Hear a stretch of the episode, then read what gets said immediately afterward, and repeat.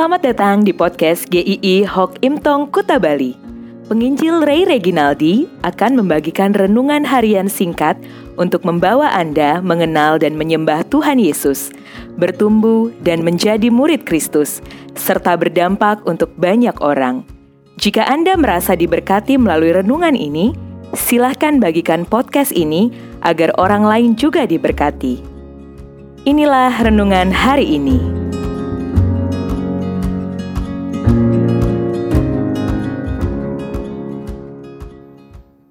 Sederhana itu bahagia. Matius 19 ayat 14. Tetapi Yesus berkata, biarkanlah anak-anak itu, janganlah menghalang-halangi mereka datang kepadaku. Sebab orang yang seperti itulah yang empunya kerajaan sorga. Kita sering dengar kata-kata bahagia itu sederhana. Tetapi hari ini kita mau belajar sederhana itu bahagia Sederhana dalam hal apa? Dalam hal iman. Apa yang sederhana dengan iman? Apa hubungannya dengan kebahagiaan? Bayangkan pada saat itu Tuhan Yesus adalah seorang pengkhotbah yang paling top. Mungkin kalau dia mau diundang untuk berkhotbah ke mana-mana, jadwal khotbahnya sudah full dalam tiga tahun ke depan. Ke mana pun dia pergi beritanya sudah tersebar dan dalam jangka waktu yang tidak lama orang-orang mengikuti dan mengerumuninya. Siapa saja yang ingin menemui Tuhan Yesus, tentu banyak orang. Dari orang-orang biasa sampai orang-orang yang ternama. Tidak ketinggalan ada juga anak-anak. Kisah yang kita baca adalah peristiwa di mana ada orang-orang yang membawa anak-anaknya supaya diberkati oleh Tuhan Yesus waktu anak-anak itu dibawa kepada Tuhan Yesus. Mungkin ada yang lari-larian, ada yang teriak-teriak, situasi menjadi cukup ramai. Dan para murid berusaha membuat barikade layaknya para bodyguard yang mau melindungi sang superstar. Para murid menghalangi anak-anak itu datang kepada Tuhan Yesus. Mereka bahkan mengusirnya. Pulang-pulang sana, ini bukan buat anak-anak Memang di zaman itu anak-anak tidak dianggap, tidak punya suara. Jadi kalau menceritakan sesuatu, memberitakan sesuatu kepada anak-anak, pengajaran-pengajaran yang penting, anak-anak tidak ada dalam list. Yang dapat mendengar adalah di urutan pertama lelaki dewasa, kemudian wanita. Kalau anak-anak gak ada jatahnya. Seringkali juga di dalam kekristenan ada orang-orang yang sudah memblok tempat atau prasangka-prasangka tersendiri. Siapa saja yang layak untuk menderi saya ulangi, siapa saja yang layak untuk mendengar berita Injil. Ada orang-orang juga yang menganggap dirinya lebih layak dari orang lain, sehingga memandang rendah orang lain. Padahal tidak demikian di mata Tuhan. Ketika anak-anak datang, suasana ramai, respon Tuhan Yesus mengagetkan mereka. Biarkanlah anak-anak itu, janganlah menghalang-halangi mereka datang kepadaku. Pertama, Tuhan Yesus memberikan akses untuk anak-anak itu datang kepadanya.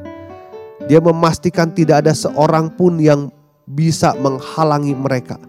Dia menerima mereka yang tidak dipandang dan diperhitungkan kalau Tuhan Yesus membuka akses, tidak ada satu orang pun yang berhak untuk menghalang-halangi. Akses kepada Tuhan Yesus dibuka kepada siapa saja yang mau percaya kepadanya. Termasuk Anda yang mungkin melihat diri Anda tidak berarti. Sudah terlalu kotor hidup Anda. Merasa bukan siapa-siapa. Datang kepada Tuhan Yesus, Tuhan Yesus akan menerima, pasti menerima Anda. Kemudian Tuhan Yesus berkata juga sebab orang-orang yang seperti itulah yang empunya kerajaan sorga. Kedua adalah Tuhan Yesus menyatakan orang yang bersikap seperti anak-anak itu yang datang kepadanya yang empunya kerajaan sorga. Saya jelaskan sedikit. Perikop ini diapit oleh dua kisah yang bisa menjadi perbandingan dengan kisah ini. Di kisah sebelumnya ada orang-orang Farisi yang datang kepada Tuhan Yesus hanya untuk mencobai dia. Mereka datang tetapi hatinya tidak murni. Mereka merasa dirinya yang benar, kerjaannya cari-cari kesalahan orang lain. Lalu di perikop sesudahnya, ada orang yang sudah melakukan seabrek perintah Tuhan, datang kepada Tuhan Yesus, ingin hidup yang kekal, tetapi sayang sekali akhirnya dia pulang dengan tangan hampa karena hatinya terlalu terikat pada hartanya yang banyak.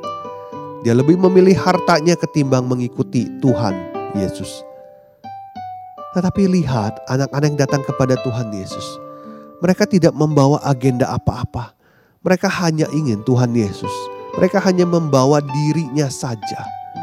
Sederhana sekali. Datang kepada Tuhan Yesus dengan iman yang sederhana. Maksudnya kita ini mau percaya kepada dia karena kita tidak sanggup untuk menyelamatkan diri kita sendiri. Hanya dialah yang mampu menyelamatkan kita. Jangan menganggap diri kita cukup layak untuk diselamatkan. Karena kita turun-temurun orang Kristen. Karena kita sudah berjeri lelah dalam melayani Tuhan. Sudah memberikan banyak persembahan kepada gereja.